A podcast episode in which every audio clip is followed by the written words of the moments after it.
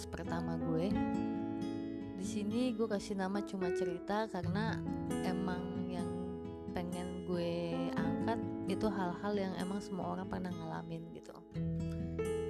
Dan sekarang gue pengen ngebahas tentang insecurity. Siapa sih yang gak pernah ngalamin insecurity? Kayaknya semua orang yang hidup pasti pernah ngalamin insecurity ya.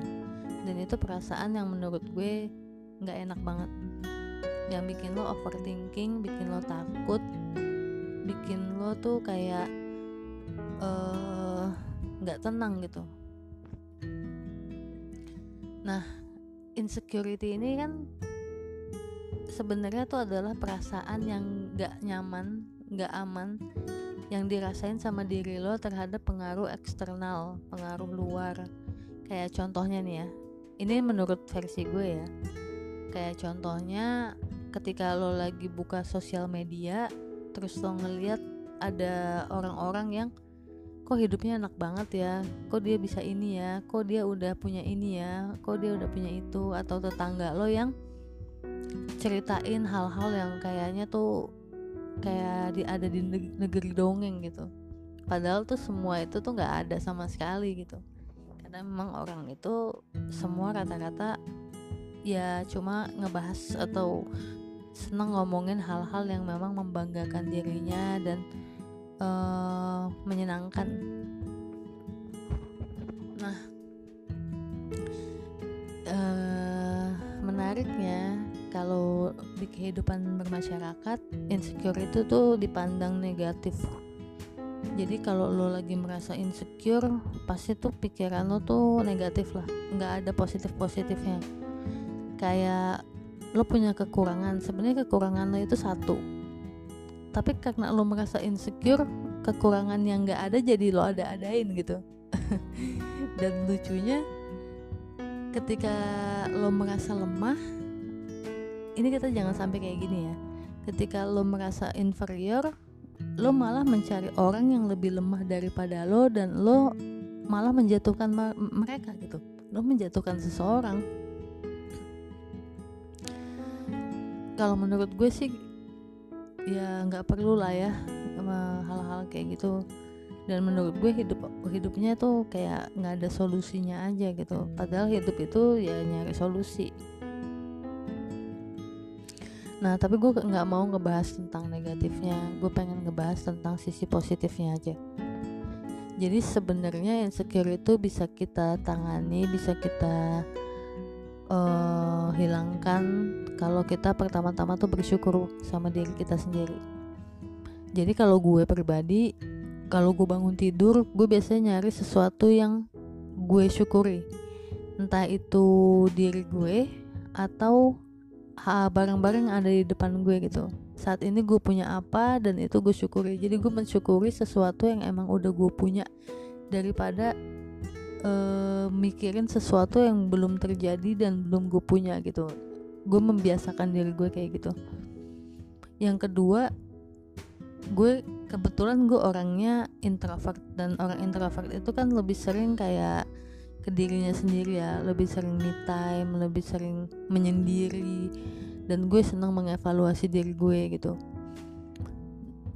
Tapi ini bagus juga kalau lo terapin walaupun lo seorang ekstrovert jadi pas gue lagi mengevaluasi diri gue cari tahu kelebihan gue gue cari tahu kekurangan gue gue cari tahu kekurangan gue yang bisa gue perbaiki dan gue cari tahu juga kekurangan yang emang harus gue terima. Jatuhnya akhirnya nanti semakin kita sering pertama tadi semakin kita sering bersyukur semakin kita mengenal kekurangan dan kelebihan kita akhirnya kita bisa menerima diri kita sendiri gitu. Istilahnya tuh kayak berbesar hati lah. Bahwa akhirnya gue sadar bahwa nggak ada yang sempurna di dunia ini. Mungkin uh, lo melihat kesempurnaan seseorang karena orang itu uh, pandai menutupi kekurangannya gitu.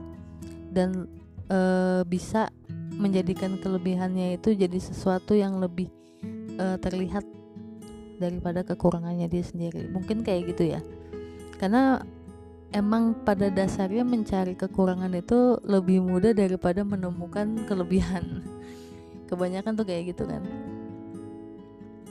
Nah setelah itu e, bisa juga dengan cara nyari kegiatan baru. Ini bagus banget sih. Jadi ada hal-hal yang mungkin kita tuh hidup kita tuh ngebosenin mungkin ya hidup kita ngebosenin dan kita tuh nggak punya hobi. Itu kita bisa cari hobi yang pengen kita lakukan ataupun lo bisa uh, pikirin hal-hal yang kayak lo pengen lakuin tapi masih lo tunda gitu. Ada baiknya sih lo mulai daripada lo tunda-tunda nah yang berikutnya itu lo bisa fokus ke diri lo. Jadi lo punya kegiatan baru lo akhirnya memulai sesuatu hal yang udah lama pengen banget lo lakukan. Jadi lo fokus aja ke diri lo fokus ke pengembangan diri lo dan kalau misalnya lo insecurity terhadap hal-hal tertentu lo bisa tinggalin dulu lo bisa tinggalin circle lo. Kalau misalnya lo insecure terhadap temen lo. Ataupun sosial media lo bisa tutup akun dulu sementara waktu untuk fokus ke diri lo sendiri. Nanti lama kelamaan akhirnya lo nemuin potensi lo potensi lo yang mungkin nggak lo sangka-sangka gitu. Ternyata gue berbakat ya uh, dalam hal ini. Ternyata gue bisa melakukan hal ini dengan baik ya. Padahal tadinya tuh lo belum tahu lo itu bagus di bidang apa. Lo justru lo bisa nemuin passion lo mungkin kayak gitu. Dan keuntungan dari insecure itu adalah lo bisa jauh lebih kenal sama diri lo sendiri. Kenapa? Karena nggak semua orang itu bisa kenal sama dirinya. Kayak gitu. Itu yang paling penting sih. Mengenal diri sendiri itu paling penting dan ketika lo udah kenal sama diri lo lo jadi merasa lebih tenang lagi. Lo lebih legowo.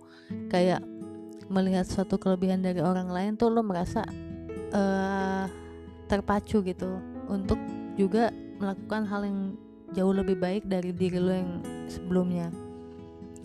Jadi itu sebenarnya cuma cara pandang aja sih. Kalau lo memandang sesuatu itu negatif ya semuanya serba negatif. Lo nggak akan nemuin yang namanya hal-hal positif di situ. Tapi kalau lo mandang sesuatu hal positif walaupun dalam situasi negatif gimana pun itu pasti lo akan nemuin kayak hikmah di balik hal itu gitu. Kenapa lo ngalamin itu? Kenapa uh, kenapa masalah itu terjadi sama gue? Jadi itu jadi pengalaman dan bekal lo buat berkembang lagi gitu. Jadi semua itu tergantung dari cara pikir kita aja sih. Jadi menurut gue insecure itu alangkah baiknya dilihat dari sisi positifnya gitu